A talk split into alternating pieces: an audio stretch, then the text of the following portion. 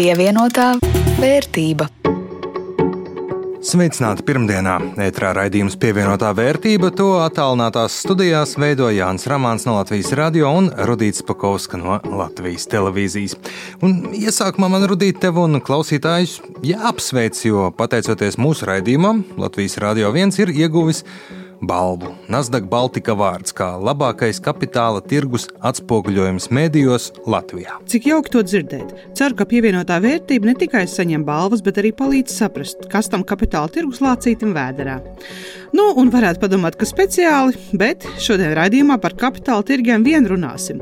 Uzzināsim, ko uzņēmumam nozīmē aizņemties naudu biržā, izdot obligācijas, kā tās vērtēt no potenciālā investora puses, kā arī uzzināsim vairāk par Igaunu uzņēmumu Harju Elektru, kura akciju cena pēdējās nedēļās augusi ļoti strauji. Bet vispirms par aktuālo ekonomikām. Pievienotā vērtība. Vairs nevaram izturēt. Tā teica skaistumkopšanas nozare un paziņoja, ka vērsīsies satversmes tiesā, apstrīdot aizliegumu strādāt. Lai gan valdība sola jau šonadēļ lemt, vai un kā darbu varēs atsākt manikīri un frizieri, nozares asociācijām ar to nav gana, jo klientus nevarēs pieņemt citi nozares speciālisti. Vēl esam paspēruši solīti pretī tām piena upēm ķīseļa krastos, ko sola Eiropas atvesļošanās un noturības nauda. Latvija iesniegusi savu plānu Eiropas komisijai vērtēšanai, un Latvijai tajā iezīmēti 1,6 miljardi eiro. Tos gan būs jātērē struktūrālajām reformām. Nu, man jau kopš pēdējās krīzes, dzirdot vārdu struktūrālās reformas, paliek mazliet slikti. Nu, bet doma ir, ka naudu nevar notrēlināt dzīvēm šodien. Tā ir jāiegulda projektos, kur ne tikai palīdzēs atgūties ekonomikai, bet arī nāks par labu ilgtermiņā. Nu, un te jāpiebilst, Latvija nav pieteikusies fonda aizņēmumu daļai, tikai grantiem, kurus nevajag atdot. Un par to jau izskan arī kritika. Netiek paņemta visa nauda, kuru iespējams iegūt. Jaunākie dati savukārt liecina, ka cenas rūk. Patēriņa cenas janvārī bijušas par pusprocentu zemākas nekā Pirms gada tā liecina statistikas pārvaldes dati. Gadu laikā cenas kritušas precēm, bet nedaudz pieaugušas pakalpojumiem. Analītiķi gan teica, visticamāk, tuvākajos mēnešos cenas būs zemākas nekā iepriekš, bet jāreikinās, ka inflācija pieņemsies spēkā. Galvenais iemesls izēvielu cenu kāpums.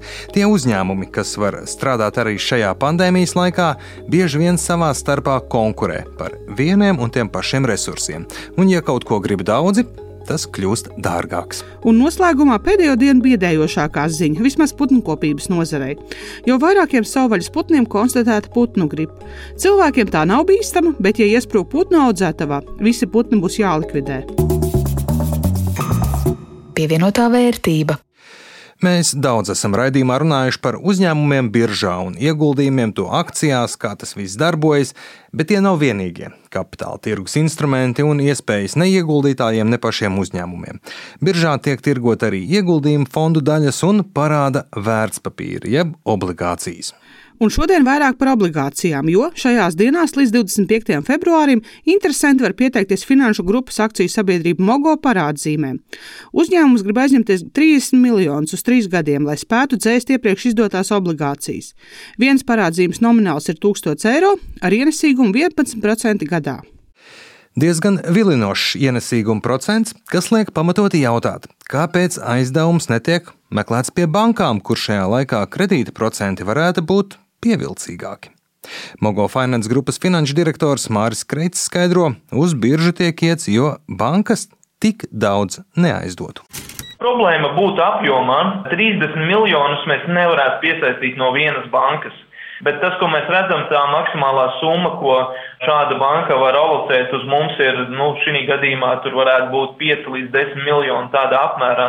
Vienkārši bankas nejūtas, teiksim tā, droši vien komfortabli aizdod liela apmēra līdzekļus, un tas, tas noteikti iet saistībā ar banku arī kapitāla prasībām, kapitāla pietiekamības prasībām un viņu ekspozīciju uz vienu aizdevēju. Viņi nevar būt pārāk daudz aizdotos tā, tās naudas vienam aizdevējam. Brīdī, kad mēs pirmoreiz obligācijas izlaidām Latvijā, tas bija īstenībā divus gadus tikai pēc uzņēmuma darbības uzsākšanas. Tā kā arī ļoti, ļoti ātrs periods, kā mēs tikām līdz tam, Un, ja salīdzinām banku aizņēmumiem, tad bankām parasti ir arī tās, teiksim, tādas prasības, kad viņas grib redzēt šo track rekordu lielāku, uzņēmuma darbību ilgāk un arī apjomā ir problēmas. Bankas gan nav vienīgais iemesls. Viens no uzņēmuma nākotnes plāniem ir kļūt par biržā tirgotu uzņēmumu. Un būšana tur, jau ar obligācijām, šim mērķim var ilgtermiņā palīdzēt. Otrs apsvērums noteikti bija arī tāds, ka mēs redzējām sevi ilgtermiņā kā kapitāla tirgus spēlētāju. Ko tas nozīmē? Mums bija arī ambīcija un arī joprojām tāda ir un vēlme iespējams kādā brīdī arī taisīt publisko akciju piedāvājumu, jeb IPO. Un nu, tas, ko mēs arī redzam, pētot citus uzņēmumus no nozares, no fintech nozares, no, no citām, kad ja uzņēmums jau ir zināms kapitāla tirgos, teiksim, ar obligāciju emisijām veiksmīgām, tad viņam viennozīmīgi ir daudz vieglāk piesaistīt veiksmīgu vai izvietot veiksmīgas arī akciju piedāvājumu, jeb IPO. Konkrētu termiņu savu akciju laišanai brīvā tirdzniecībā uzņēmums vēl nav gatavs atklāt, bet nav noslēpums, ka jebkuram biržas uzņēmumam jāatbilst noteiktiem caurspīdības standartiem un jābūt atklātam par savu finanšu situāciju. To pieprasa arī obligāciju gadījumā. Un neviens vien mazāks uzņēmums mums teicis, ka tieši šie aspekti viņus biržā baida. Jo jebkurš konkurents tad varēs redzēt, kā viņiem iet, kamēr viņi par saviem konkurentiem zinās stipri mazāk. Jā, interesants komentārs, un, un viņš savā ziņā ir arī patiesa, bet eh, te drīzāk ir tāda, mm, nu, tāda viensētnieka domāšana, jo būtībā informācijas atklāšana, ja tu esi spēcīgs uzņēmums, tas tev nekaitē. Tas tu atklāji šo informāciju, primāri atklāji saviem investoriem, bet ja arī konkurenti redz, ja produkts ir uh, dzīvot ilgspējīgs, ja komanda ir spēcīga, ja pats uzņēmums ir uzbūvēts uz stabiliem pamatiem, uzņēmumam no tā nevajag baidīties. Un, protams, uh, jā, es redzu, ka daļai uzņēmumu nepatiktu atklāt finanšu datus, bet iemesls, kāpēc varētu nepatikt, ir iespējams, uh, nezinu, varbūt kādi lēkās ekonomikas īpatsvars šajos datos.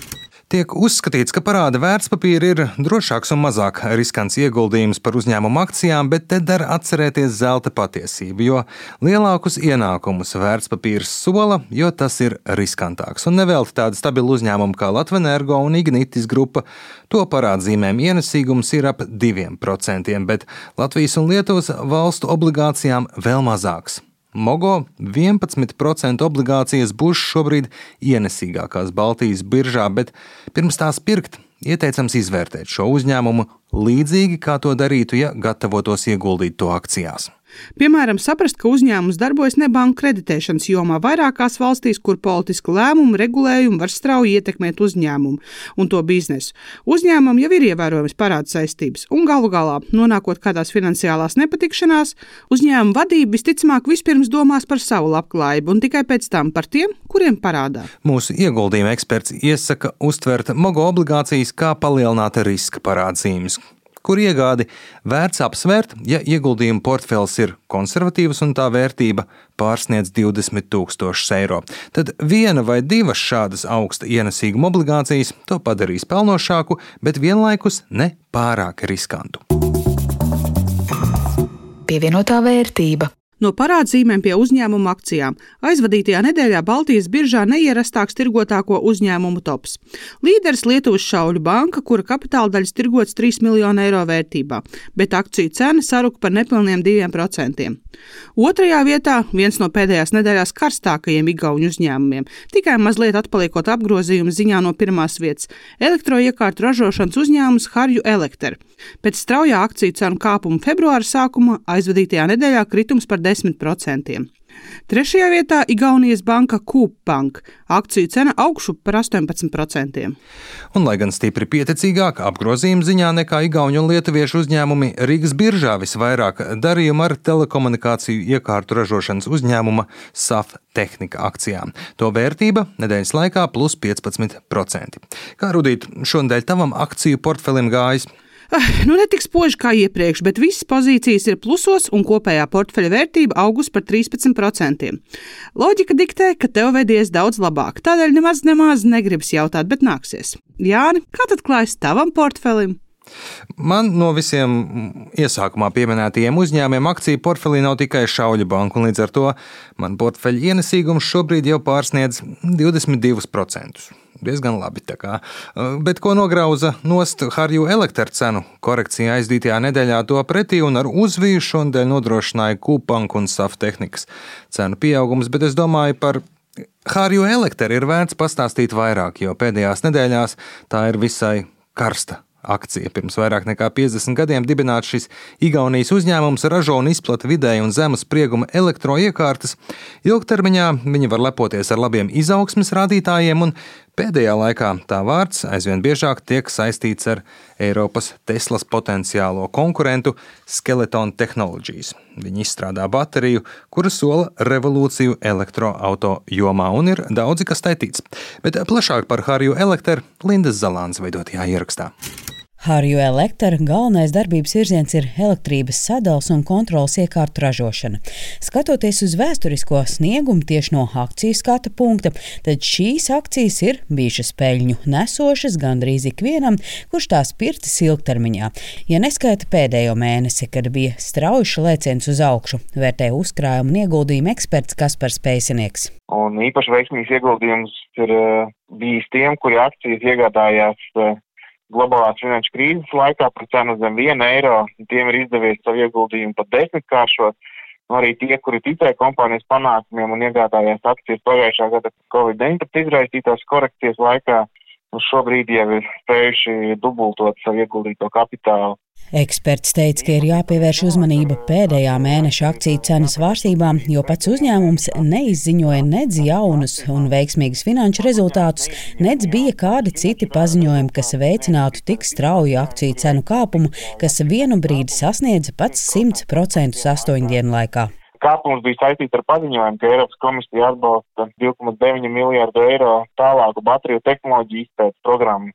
Un starp šīs atbalsta saņēmējiem ir arī uzņēmums Skeleton Technologies, kurā Harry Elektra piedara 7,6%. Šī notikuma iespējā arī akcijas cenas uzdītas uz augšu. Arī Covid-19 ir ietekmējis uzņēmuma darbību. Pagājušā gada pirmajos deviņos mēnešos uzņēmuma apgrozījums bija līdzvērtīgs 2019. gada attiecīgajam periodam. Labā ziņa, ka apgrozījums nav krities, bet nav arī pieaudzis, kā tas bija iepriekšējos gados. Neskatoties uz Covid-19, Harry Elektra ir izdevies būtiski uzlabot peļņas maržas rādītājus tieši pagājušā gada deviņos mēnešos. Tāpat pozitīvi jāvērtē uzņēmuma disciplīna, maksājot dividendus. Desmit gadu vidējais dividendžu ienesīgums ir bijis 3,6%. Šobrīd, protams, pieaugušās akcijas cenas dēļ dividendu ienesīguma likme ir zem 2%, tomēr ilgtermiņā uzņēmums ir rūpējies par to, lai akcionāri regulāri saņemtu dividendu ienākumus. Uzņēmums šobrīd ir relatīvi dārgs, cenas un peļņas attiecība ir gandrīz divas reizes augstāk šobrīd nekā desmit gadu vidējais rādītājs un gandrīz uz pusi augstāk nekā pēdējos piecu gadu vidējais rādītājs.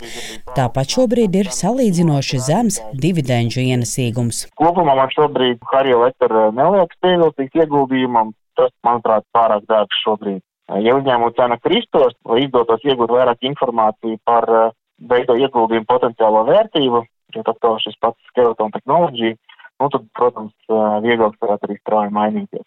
Savā nozarē uzņēmums ir pietiekami plaši pazīstams Latvijā, tas ir pārstāvēts, pilnīgi noteikti ir tāds cienījams, stabils tirgus dalībnieks. Latvijas elektroenerģētiķu un energobūnieku asociācijas izpildirektors Gunārs Valdmanis teica, ka uzņēmums pieņēmis daudzus perspektīvas un izaugsme veicinošus strateģiskus lēmumus. Proti uzņēmums ir aktīvi koncentrējis savu darbību tieši uz Skandināvijas tirgiem. Somijas un Zviedrijas šajos tirgos ir startējis un ieguvis ļoti būtiskus pasūtījumus sadalas sistēmas operatoru investīcijām. Šie tirgi ir gan pirmkārt ekonomiski pietiekami spēcīgi, gan arī šeit ir strauja tā elektrifikācijas eh, attīstība un uh, tiek domāts diezgan daudz par uh, investīcijām elektrotīklos kopumā. Šāds attīstības virziens ir ļoti perspektīvs, kas, protams, ir laba ziņa potenciālajiem investoriem. Nozara, kurā darbojas Harju Elektra, ir ar perspektīvu izaugsmē arī nākotnē. Tas ir saistīts ar vairākiem globāliem faktoriem, proti transporta elektrifikācijas tendence, kas nākamajos gados kļūst aizvien aktuālāka. Tāpat elektroiekārtām ir raksturīgs cikliskums, tās nolietojas, un šajā nozarē strādājošie uzņēmumi var rēķināties, ka pieprasījums pēc tīkla modernizācijas un jaunām viedām iekārtām saglabāsies arī turpmāk. Vienīgais riska faktors pat labi ir pandēmija kas var skart arī būvniecības nozari, kas ir galvenais dzinējspēks elektrotīklu rekonstrukcijai un jaunu ēku būvniecībai. Linda Zalāne, Latvijas radio. Pievienotā vērtība. Un ar to arī skan šīs nedēļas raidījums pievienotā vērtība. Ar jums kopā bija Jānis Ramāns no Latvijas radio. Un Rudīts Pakausks no Latvijas televīzijas, skaņu pavēlnieks Uldis Grīnbergs. Šo un citus pievienotās vērtības raidījumus varat atrast arī Latvijas radio mājaslapā vai arī jūsu iecienītākajā podkāstu klausīšanās vietā. Tiekamies nākamnedēļ! Pievienotā vērtība.